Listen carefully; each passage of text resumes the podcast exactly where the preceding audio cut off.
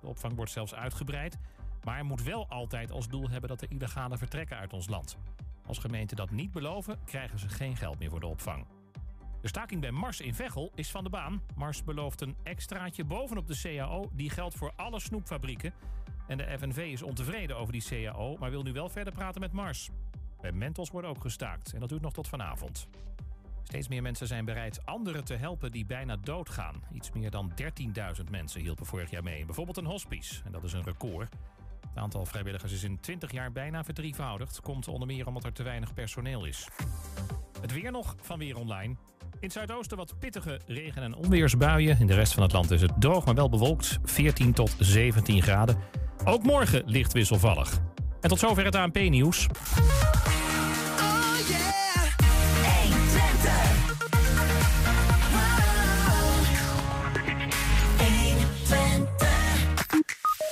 Wint een Enschedeze uitvinding een prestigieuze ingenieursprijs. Het bedrijf KIT is met zijn slimme tegel genomineerd voor de Vernufteling. Terwijl aan de Haarsbergstraat in Hengelo al druk wordt gebouwd... heeft het bedrijf NX Filtration nog geen vergunning... voor het onttrekken van jaarlijks 700 miljoen liter grondwater van de Twente, of aan de Twentse bodem. En daar is niet iedereen blij mee. De vrijwilligers van vogelwerkgroep Geesteren speuren elk jaar de wijde omtrek van Geesteren af... op zoek naar reekalfjes. Super schattig in de twee weken dat ze geboren zijn kunnen ze zich niet redden. Met soms catastrofale gevolgen als de boer zijn land gaat maaien. En het vredesvuur dat op bevrijdingsdag in Zwolle werd ontstoken... ging dinsdagmiddag van Enschede naar Gronau op weg naar Münster... waar het vuur op 15 mei zal aankomen bij de viering van 375 jaar vrede van Münster. Het is woensdag 10 mei, dit is 120 vandaag. 120. 120 vandaag.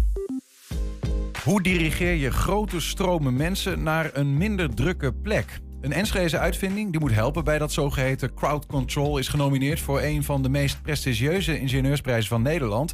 De slimme tegel van Kit Engineering maakt kans op de Vernufteling die morgen wordt uitgereikt in Utrecht. We praten daar straks over met de directeur Andries Loomeijer. Eerst even ter illustratie een video die ze zelf maakten over hun vinding.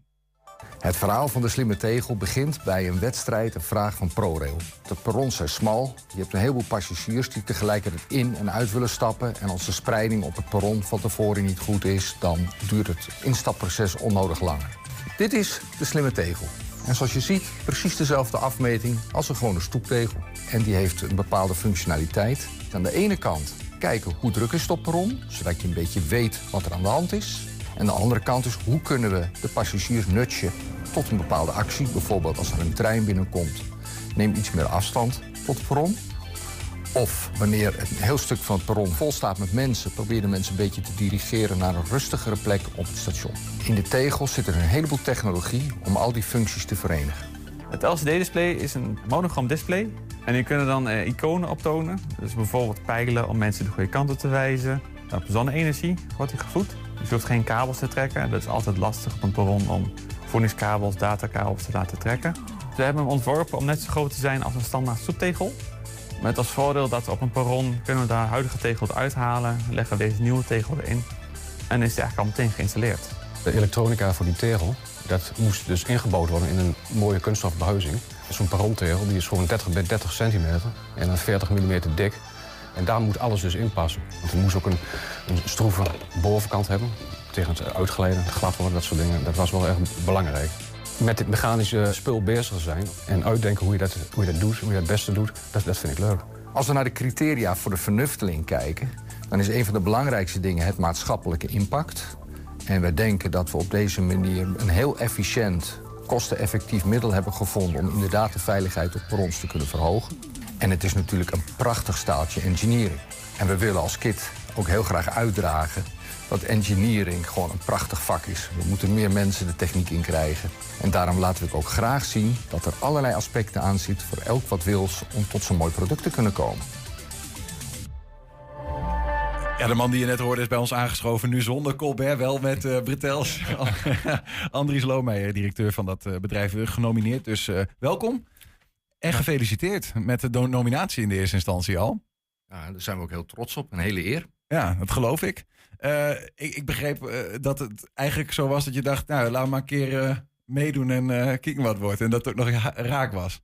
Nou, het was zo, ik las in de ingenieurs, het tijdschrift van de ingenieurs, dat die wedstrijd is elk jaar.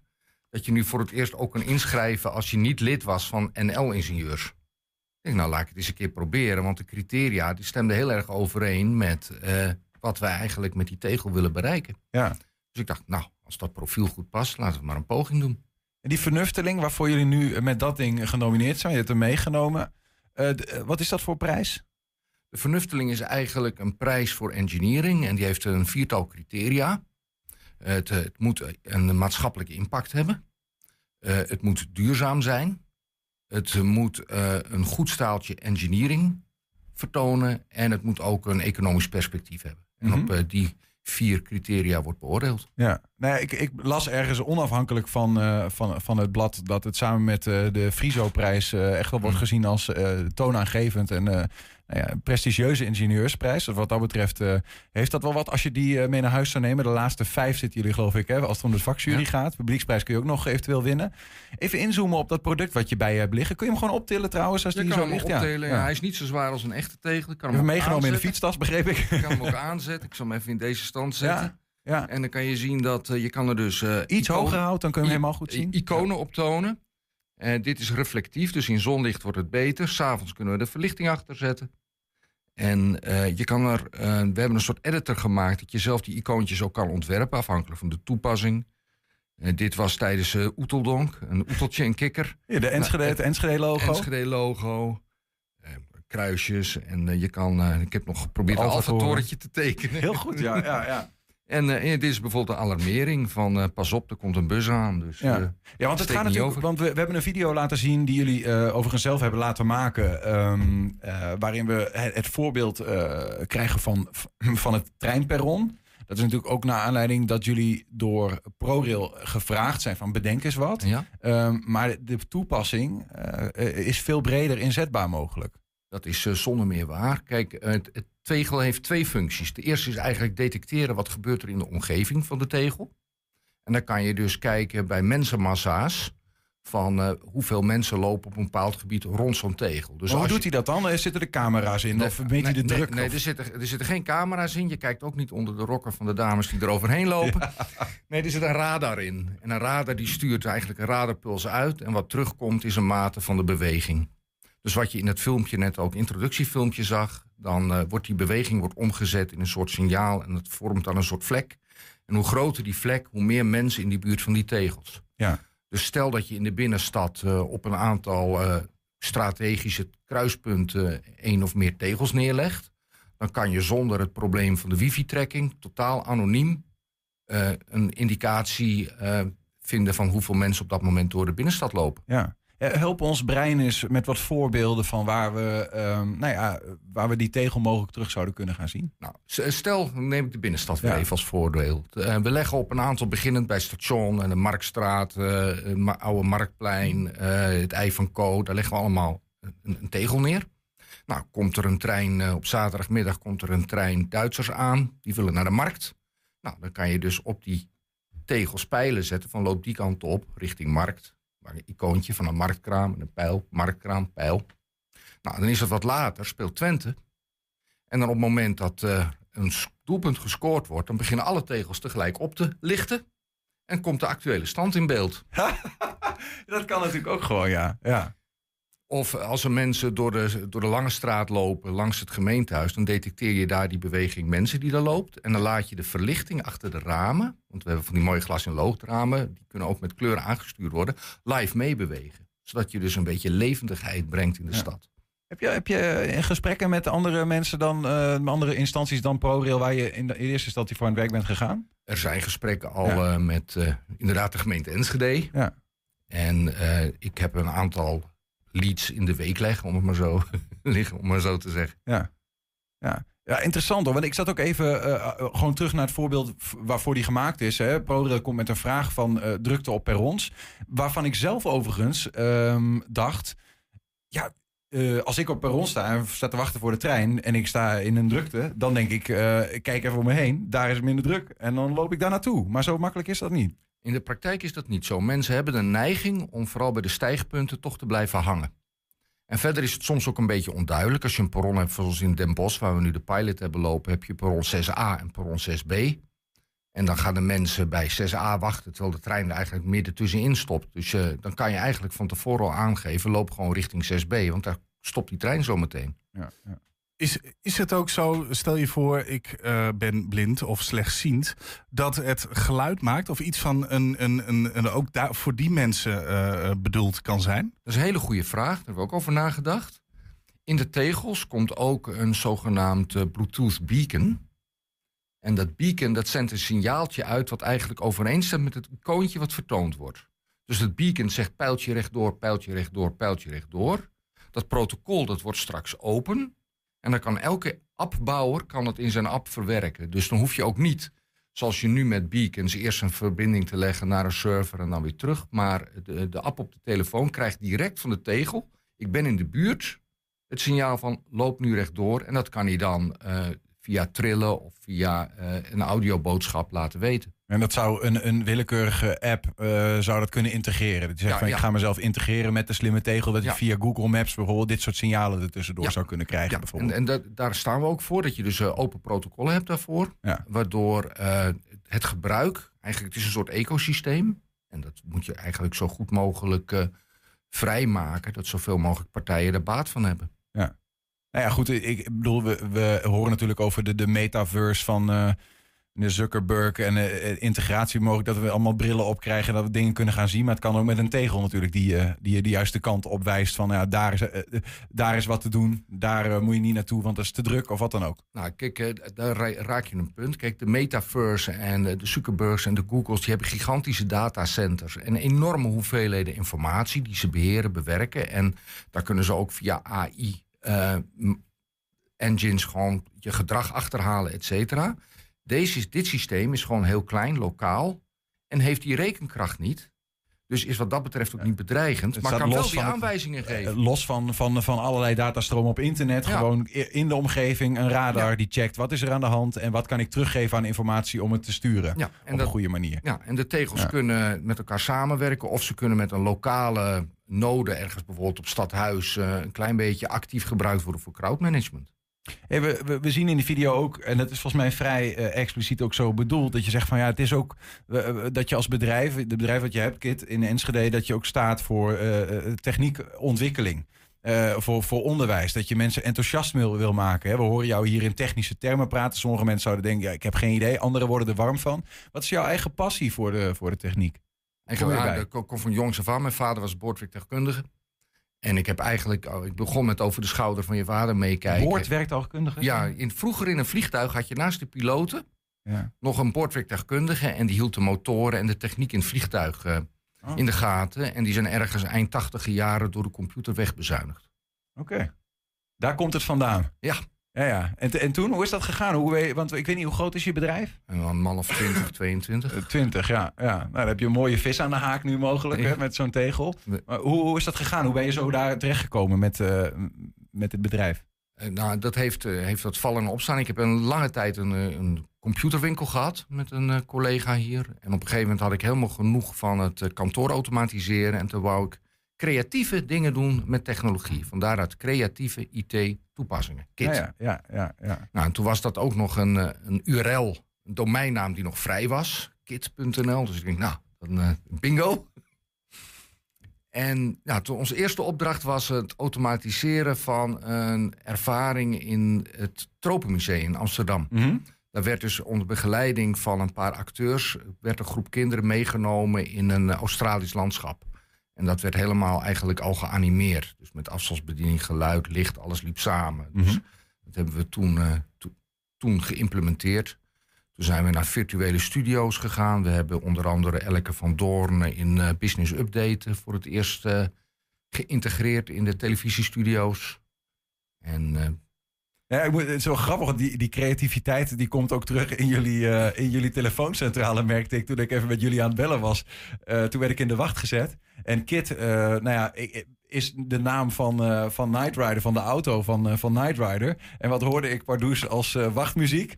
De muziek die van Night Rider komt. Dus dat vond ik wel een mooie speling.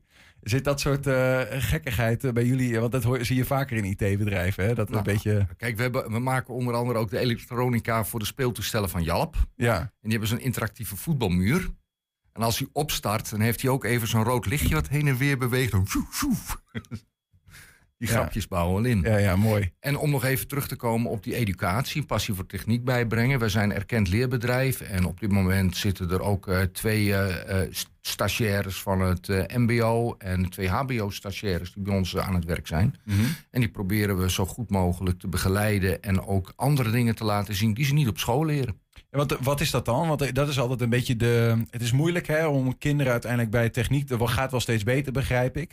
Maar hoe, hoe, eh, hoe enthousiasmeer jij ze?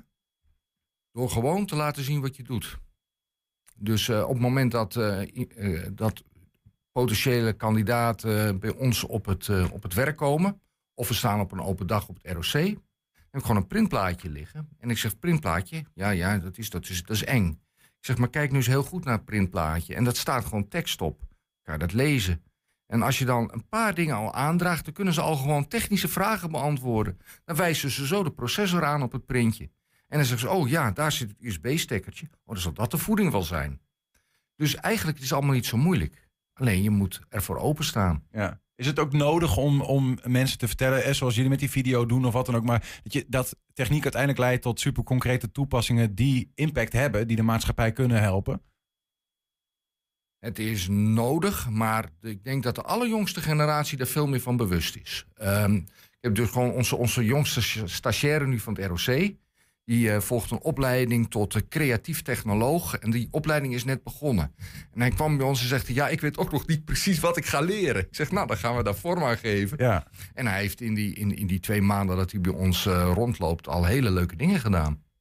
En hij is opgegroeid met, ja, als ik iets kan bedenken, kan ik het ook tekenen in zo'n 3D-tekenpakket. Mhm. Maar dan stuur ik het naar de 3D-printer en heb ik het daarna ook tastbaar in mijn hand. En als je die faciliteiten hebt, je leert er, je groeit daarmee op, ja. ja, dan, dan wordt het maken wordt ook weer veel meer onderdeel van het, eh, van het dagelijks eh, processen en het onderwijs. Hey, afsluitend wil ik het nog heel even met je hebben over de Dutch Innovation Days. Eh, die beginnen morgen in Enschede. Eh, dan drie- een driedaagse is dat. Eh, nog niet zo heel oud evenement, Mhm. maar, maar al wel met grote sprekers. Jullie zijn, jullie zijn ambassadeur. Wat is dat voor, voor, voor evenement dat er gaat plaatsvinden in de stad? Het is een evenement wat gericht is op innovatie, maar niet al uitsluitend op technische innovatie. Het laat allerlei aspecten van innovatie zien. We staan nu in de maatschappij voor een heleboel uitdagingen. Dan kunnen we antwoorden zoeken in de vorm van techniek. Maar we kunnen ook eh, antwoorden zoeken bij, laten we zeggen, maatschappelijke innovatie of economische innovatie. Van eh, hoe kennen we waarde toe aan dingen?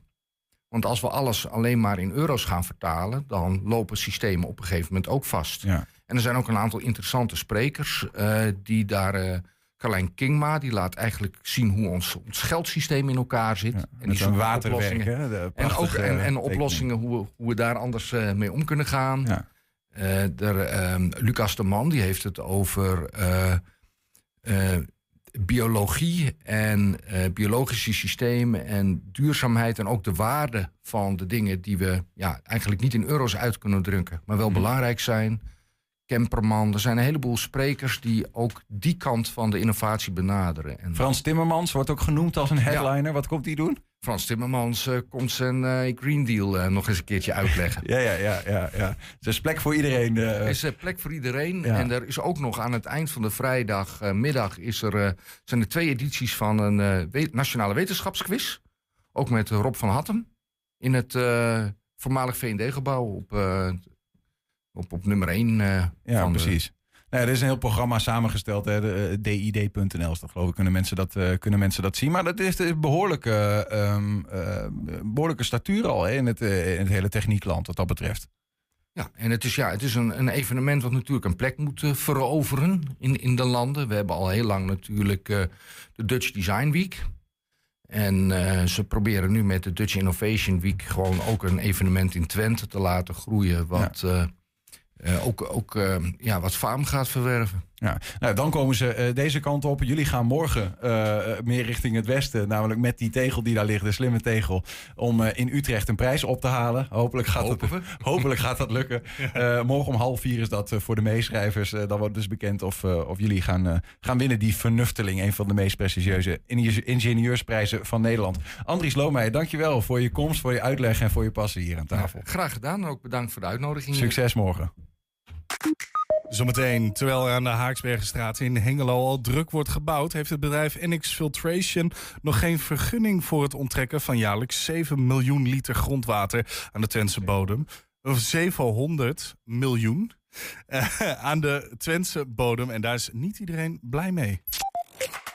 120. 120 vandaag. Een historisch moment, zo noemt commissaris van de Koning Andries Heidema het. Het vredesvuur dat op bevrijdingsdag in Zwolle werd ontstoken... ging dinsdagmiddag van Enschede naar Gronau. Op weg naar Münster, waar het vuur op 15 mei aankomen, eh, of aankomen bij de viering van 375 jaar... of eh, 375 jaar vrede van Münster.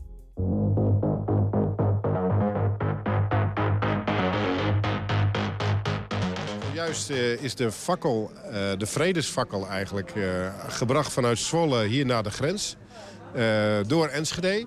En ik heb hem overhandigd aan mijn collega, de burgemeester van Gronau. Herzlichen Dank und auch danke an alle Läuferinnen und Läufer. Dus hier gaat de fakkel, die vrede en vrijheid symboliseert, over van Nederland naar Duitsland. Ja, vandaag is het vredesvuur over de grens gegaan hier van Enschede naar Gronau. En ik vind het heel belangrijk, ook eh, in eh, samenhang met 375 jaar Westfälischer Friede. Ik heb op 5 mei heb ik het vredesvuur op het bevrijdingsfestival doorgegeven naar minister-president Wust van de Noord- en Westfalen. Ook in aanwezigheid van minister-president eh, Mark Rutte.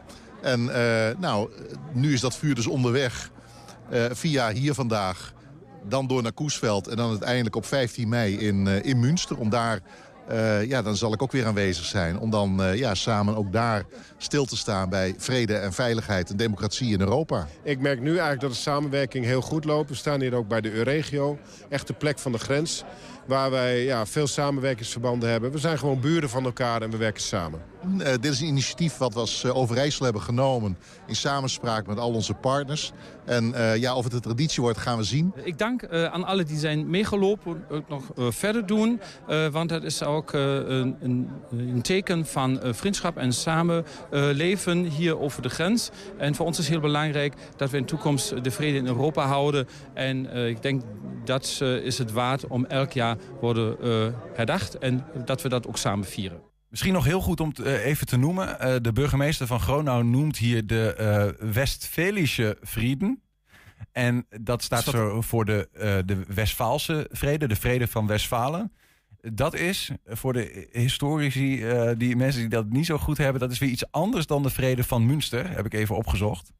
De vrede van Westfalen, daaronder vallen twee verdragen die de 30-jarige oorlog beëindigden. En de vrede van Münster beëindigde de 80-jarige oorlog tussen Spanje en de Nederlanden, waaruit uiteindelijk de Republiek der Nederlanden eh, is ontstaan. Of van de zeven Nederlanden is het geloof ik officieel. Maar goed, al met al gaat het allebei over eh, vrede in Europa. En eh, Duitsland en Nederland trekken daarin eh, voor het eerst samen op. Zo zei eh, Andries Heidema dat. Een historisch moment volgens hem. 120.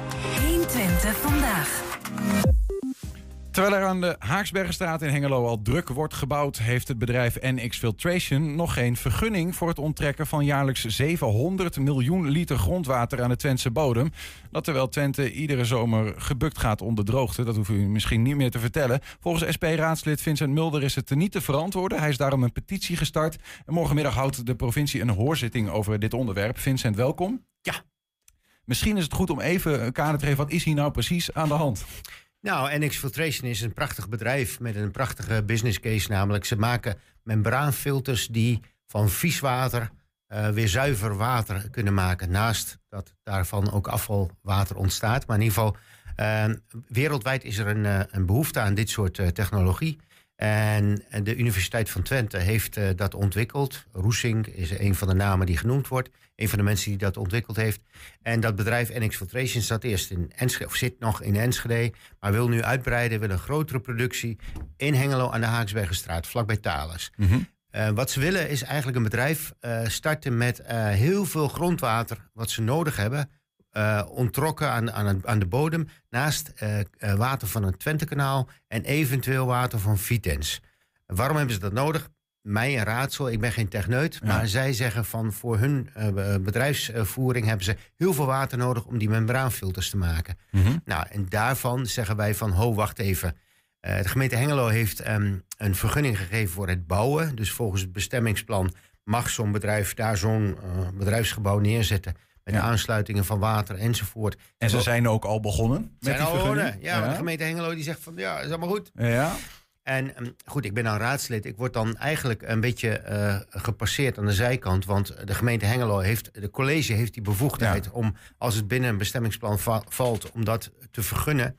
Maar wij waren wel overvallen. Met name eh, vanwege de clausule die ze met de gemeente Hengelo hebben eh, gesloten. Dat wil zeggen de afspraak voor, om de, iets van duizend bomen die in de omgeving staan, om die eh, te laten bewateren door het bedrijf. Omdat er zo'n grote droogte ontstaat als dat bedrijf eenmaal aan de gang Als is. een soort van compensatie voor het Ja. onttrekken van het water waar Ja. de natuur last van heeft. Ja, moet jij je voorstellen dat jij een bedrijf naast je krijgt en die zegt van nou, we gaan wel ehm, eh, het, eh, de bomen die hier in de buurt staan, die gaan we allemaal in de, in de zomer bewateren. Ja. Dan weet jij al wel dat er een beetje stront aan de knikker is. Ik geloof dat het grondwaterpeil door hun werkzaamheden zo'n zo'n meter zou, eh, Ja. zou zakken. Hè? Ja, dat is in de omgeving van het bedrijf. Maar ehm, het RIVM, eh, niet de minste eh, organisatie, heeft nog geen maand geleden een alarm afgekondigd dat de drinkwatervoorziening, met name in Oost-Nederland, ernstig in gevaar komt. Ja. En dat is omdat de verdroging, de klimaatverdroging, laat zien. We hebben dat een paar zomers meegemaakt. En dan weet jij, dan mag je je badje niet meer vullen. Dan mag je je zwembad eh, zeker niet vullen. Dan mag je eh, je tuin niet sproeien. En dan worden boeren ontzegd dat zij hun eh, grond besproeien. Omdat namelijk het heel nijpend wordt of de drinkwatervoorziening nog wel op orde kan blijven. Maar is dat de angst die, je bijvoorbeeld leeft? Van ja, wat, als je zoveel water onttrekt, wat, wat doet het dan bijvoorbeeld met onze drinkwatervoorziening? Die toch wel met op één staat hè, als het gaat om de waterbehoeften? Absoluut, nee zeker. En het bedrijf zegt van ze hebben vijf bronnen waar ze water van putten. Eén is eh, grondwater, twee is het kanaalwater van het Twentekanaal. Ehm, drie is eh, water van Vitens, dus de, de, het drinkwaterbedrijf. Eh, twee is dan proceswater. En dan als uiterste hebben ze nog rioolwater, wat ze dan met hun eigen technologie denken te kunnen zuiveren. Ja, ja. Nou, in droogte, in geval van droogte, zijn al die vijf bronnen zijn schaars. Namelijk grondwater wordt schaars bij droogte. Kanaalwater, Twentekanaal. We weten dat Rijkswaterstaat in droge zomers vanuit de IJssel water in het Twentekanaal moet gaan pompen, omdat anders het niveau van het Twentekanaal te laag is. Eh, dan vervolgens het eigen, het, het, de Vitens, die zegt dan van ja, in tijden van droogte kunnen wij, mogen wij zelfs niet meer aan bedrijven leveren, moeten we alleen particuliere voorzieningen van drinkwater eh, voorzien. Ja. Eh, nou, het eigen proceswater van eh, ehm, eh, NX Filtration zal dan ook heel schaars worden. En ja, het rioolwater wordt dan heel erg verdikt. Er komt geen eh, ehm, eh, regenwater meer in het riool. Dus het wordt een hele dikke smurrie waar zij maar heel moeilijk water uit kunnen peuren. Dus die, al die vijf bronnen die NX Filtration noemt als hun watervoorraad, ja, die drogen dan op. Dan moet ik even denken aan, aan twee eh, partijen die hier ongetwijfeld ook eh, iets van vinden. En dat zijn het waterschap eh, natuurlijk. Maar ook Vitens, die uiteindelijk drinkwaterleverancier is. En die inderdaad ook aan een noodklok rammelde. Van jongens, Ja. let op, drinkwater is niet vanzelfsprekend. Nu komt er een partij bij die nog meer van hun bronnen in ieder geval gaat, nou ja, nou, ja, gaat aanpakken. Gaat aanboren. Wat vinden zij? Hebben ze zich geroerd in de discussie? Nou, ze, ze zijn natuurlijk bij de provincie die nu eh, een, een, een openbaarstelling van hun eigenlijk principeakkoord voor de wateronttrekking van NX Filtration. eh, daar kunnen zij zienswijze op indienen, daar kunnen zij hun bezwaren te- aantekenen. Maar eigenlijk hebben ze al laten weten van, nou ja, weet je, het is best wel een groot belang. Eh, dat bedrijfsbelang van NX Filtration, 240 arbeidsplaatsen, nanotechnologie, Twente. Dus eh, de argumenten, ook vanuit de colleges in Enschede en Hengelo, zijn van ja, maar het is een belangrijk bedrijf, we moeten dat hier houden. Eh, want eh, het is gekoppeld aan de, ken- de kennis en technologie van de TU Twente. Maar goed, let wel, dit bedrijf gaat dus de helft van wat Grols oppompt, gaan ze oppompen. Ja, die doen dat ook. Die onttrekken ja, ook grondwater. Kijk, maar jij snapt heel goed, als jij een biertje drinkt, daar zit water in, voor Hmm. een groot deel. En dat daar wa- grondwater voor nodig is. Maar dit bedrijf maakt membranen. Dat zijn plastic eh, zaken. Ja. Waarvan jij ook je kunt afvragen van ja, waarom is daar nou zoveel water voor nodig? Ja. Maar goed, tegelijkertijd, wat ik wel interessant eh, vind, is dat zij die membranen maken om, om uiteindelijk weer water, drinkwater te kunnen maken, bijvoorbeeld. Dus je zou ook kunnen zeggen, ja, misschien is het een investering juist in dat we straks gewoon water uit het Twentekanaal kunnen gaan drinken, zeg maar. Ja, nou dat argument gebruiken ze dus ook. Oh. Namelijk van, kijk eens, wij zijn heel erg duurzaam bezig. We gaan eh, producten maken die overal ter wereld eh, vuil water weer schoon water kunnen maken. Maar dan, waarom moet dan ons grondwater hier in Twente worden geofferd? Waarom gaan ze dan niet het Twentekanaal eh, zuiveren? Want dat willen ze wel doen in de IJssel. Maar op dit moment, hè, let wel, speelt dat er grote lozingen zijn van een bedrijf in Delden. Eh, van gif, gif in het eh, Twentekanaal. Dus Ja. ehm, drinkwater is niet meer mogelijk vanuit het Twentekanaal. Ja. Dus laat ze dan die technologie hier gebruiken. Het is heel paradoxaal. Eigenlijk zeggen ze van nou, wij, wereldwijd verzorgen wij een fantastische eh, watervoorziening. Maar dat kost dan wel even Ja. eh, ja, in Twente wat pijn en eh, ja, een tekort aan eh, op te pompen eh, grondwater. situatie nu is dat, eh, en dat vertelde je ook al, ze zijn, al ze zijn begonnen met bouwen. Ja. Want ze hebben een bouwvergunning, die levert de gemeente Hengelo. Maar ze hebben ook een, een vergunning, maar ik noemde, jij noemde net een ander woord. een goedkeuring nodig in ieder geval vanuit, vanuit de provincie om grondwater te onttrekken. En daar kunnen nu nog nou klachten of zienswijzen, dat is een beter woord, over ingediend worden. Klopt. Ehm, ehm, wat nou als eh, uiteindelijk de provincie besluit om, om die vergunning niet te verlenen? Hè? Dan, dan, Ja. dan hebben ze A voor niks gebouwd. En B Ja. is dat misschien heel ingewikkeld voor hun bedrijfsvoering. Ja. En zullen ze eh, uit, uit Twente vertrekken met dit verhaal. Ja. Ehm, ja, is, neem je dat op de koop toe, wat dat betreft? Nou ja, weet je, eigenlijk is het- ik noem het een vorm van chantage. Maar dat, is, dat ligt ook een beetje in de procedures. Waarom gaat Hengelo niet zeggen van... we willen een vergunning afgeven voor de bouw van dit gebouw van hun bedrijf... Eh, hangende eh, het besluit van de provincie om daar ook toestemming te geven voor die Het is waterontwikkeling. heel apart dat die twee eigenlijk apart worden Tuurlijk. gedaan natuurlijk. Want nu zijn ze, hebben ze ook een probleem op het moment dat ze eigenlijk Bedrijf- too big to veel al. Het bedrijf kan straks zeggen van ja, maar luister eens, we hebben van de gemeente Hengelo een vergunning. Dus eh provincie doet niet zo moeilijk. En wij gaan, nou ja, wij gaan hogerop. Stel dat de provincie die vergunning wijzigt. Ja. Of weigert, wat wij hopen. Want wij vinden het namelijk on, onbegrijpelijk dat dit bedrijf zich juist in het droge Twente wil vestigen. Hè? RIVM zegt ook van juist op de zandgronden in de hoger gelegen delen in het oosten van het land heb je grote problemen met de grondwatervoorziening. Laat dat bedrijf aan het IJsselmeer gaan zitten. Ja. Ehm, mensen die ik spreek van de gemeente, mensen die ik spreek van het waterschap, mensen die ik spreek van Vitens, die zeggen allemaal van ja, dat zou een veel betere optie zijn. Daar heb je namelijk plenty oppervlaktewater wat je kunt gebruiken voor je bedrijfsvoering. Ja. Wel een ander probleem is, eh, en dat is echt een groot probleem, dat is eh, als je een, een bedrijf hebt wat eh, water nodig heeft eh, om zo'n proces op gang te brengen, die, dat water is ook in een deel heel groot afvalwater. Ze gebruiken bleekchloor, bleekwater, in grote hoeveelheden voor een productieproces. Mhm. Dat vuile water komt allemaal in het riool. Nou gaat het waterschap samen met de provincie ook over de rioolvergunning. Namelijk, wat mag je lozen op het riool? Als jij ehm, ja, goed, een, normaal huishouden hebt, dan heb je gewoon een rioolaansluiting. Maar ga jij een of ander ehm, eh, chemisch bedrijfje starten als, als huishouden, dan moet je ook weten dat niet alles maar zo geloosd kan worden op het, eh, op het riool. Eh, eh, het, het vet van de, van de frituur kun jij niet maar zo lozen op het, op het riool. Nou, zo heeft zo'n bedrijf ook eigenlijk restricties. Mag niet maar zo alles lozen. Ja. Daar lees ik niks over. Eh provincie geeft daar helemaal geen informatie over van hoe dat nou zit met die vergunning.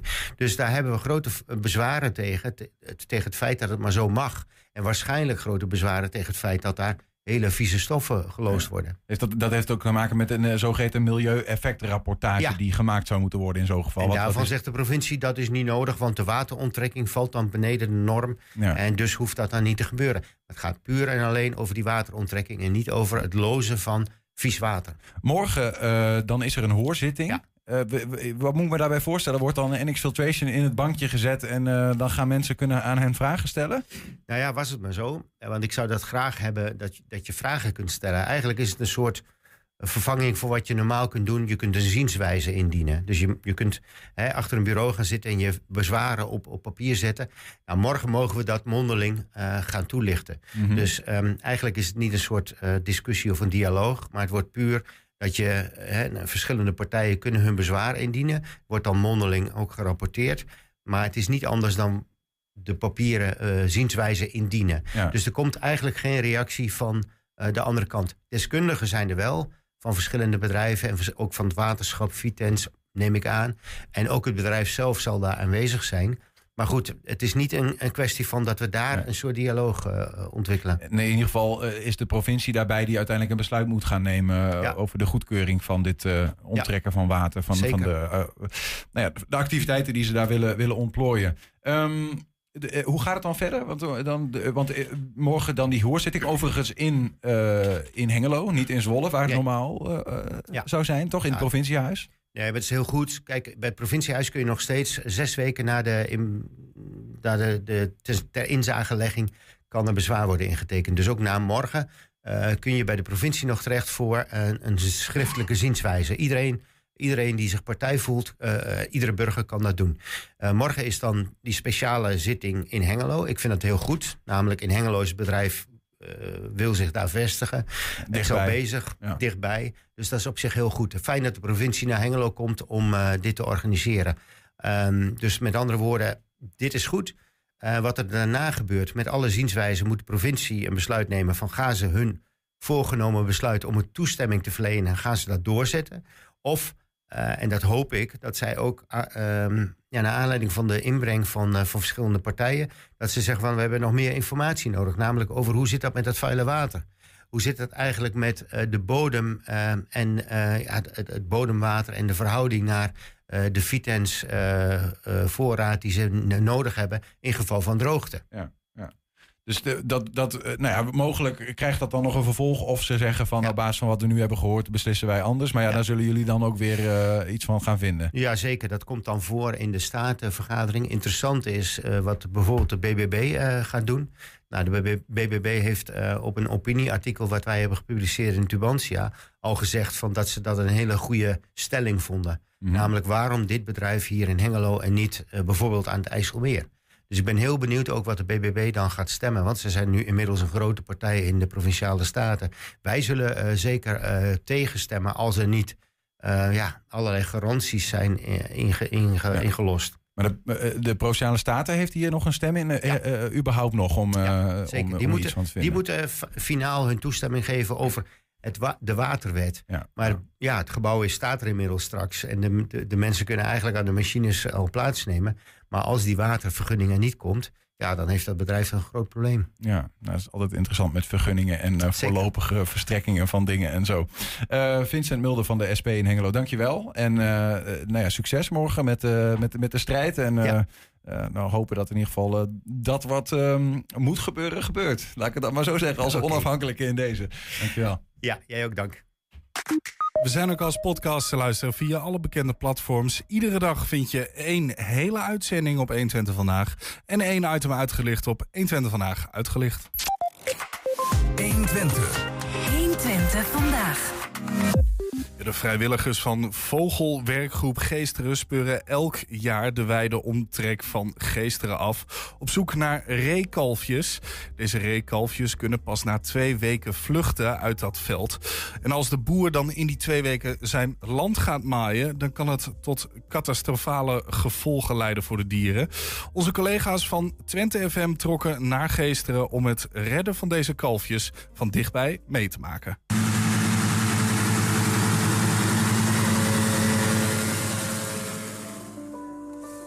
We zijn met de infraroodcamera het eh, vooringestelde traject aan het scannen.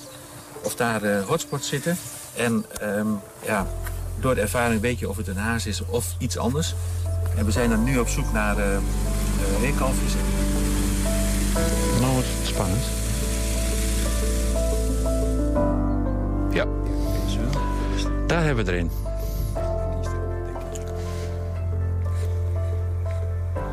Nou ja, als het eh, eind april wordt, begin mei, dan, eh, dan zie je zo langzamerhand de, eh, de reegeiten lopen. En op een gegeven moment zie je ook dat de, de dunner geworden is. En dan heeft hij eh, één of twee eh reekalveren. En dan komen we eigenlijk in actie. Dan proberen we ook de boeren ehm, zeg maar, te informeren. Maar vaak zijn ook wel de jagers actief. En die, eh, ehm, die weten wanneer de, de, de gemaaid wordt. Of de boer zegt zelf wanneer er gemaaid wordt. En dan proberen we ehm, vlak voordat er gemaaid wordt... ze op te sporen en eruit te halen. De drone staat er rechtboven. Dus zover kun je lopen. In de laatste 10 meter krijg je aanwijzingen. Dan geef je zeg maar de recht, rechterarm onder je vuist. Dat is eigenlijk het punt. Zo, dus zo goed moet je ook kijken dat je niet op het reerkalfje gaat staan. Ja, ik zie hem. Wacht even. Wacht even, wacht even, even. Ik, moet even. ik dacht dat ik hem zag. Even kijken. Dan moet ik even een heel... Helly. Ja, even kijken. Ja, ja. Ja, ik zie hem. Ja, ik zie hem. Maar deze moeten dus verplaatsen, hè?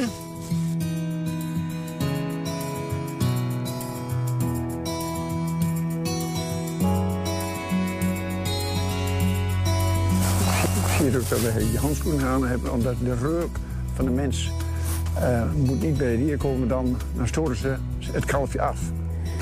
Dan zet ik hem hier in de roggen, goed?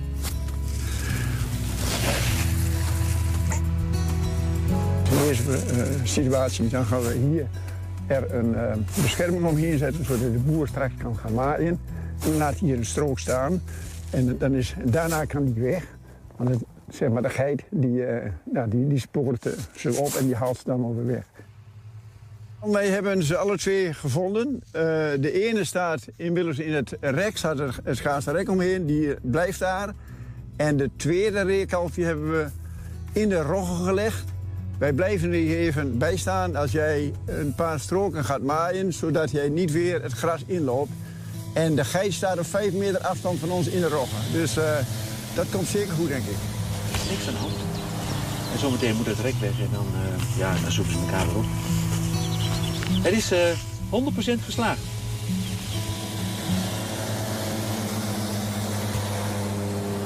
Ja, is toch schattig om te zien. Nou, voor wie nog niet gesmolten is, die moet, eh, die, die moet even gaan kijken, zeg maar. Als je alleen maar luistert en niet precies weet wat er te zien is. Dit is wel echt eh cuteness level 100 wat dat betreft. Tot zover ook eh 120 vandaag. We ronden het wat vroeger af. Je wilde daar nog iets over zeggen? Vergeet Ja, het. want we, we moeten zo meteen heel even wachten. We gaan hierna direct muziek draaien. Dus we hopen zo meteen dat de techniek even alles uitzet. Dan praten wij hier gewoon heel even doorheen. Eh, want het is helaas niet anders. Dus we, we, we moeten nu gewoon nog heel even de tijd. Ik denk dat het ongeveer een, eh, een secondje of 15 is dat we moeten vullen. Maar eh, ja, omdat we wat eerder stoppen, gaan we dus. eh, Oh, ik had dus eerst de afronding moeten doen en daarna had je deze boodschap. Ja, maar ja, we zijn er nu toch al mee bezig. Oh, We're in too deep. Wat je zo meteen ook gaat horen. Samen met Through the Echoes van, eh, van Paolo Dit is Nutini. een eh, Ja. een beetje vloeiende overgang van dit programma naar het volgende hebben we nog nooit gehad. Ik wens ook de knippers veel plezier met het knippen voor de televisieuitzending op, het, op de juiste plek. Want waar ga je nou knippen? Doe je dat hier? Of deed je dat eerder al? Nou ja, het mag Het van mij doen over drie seconden.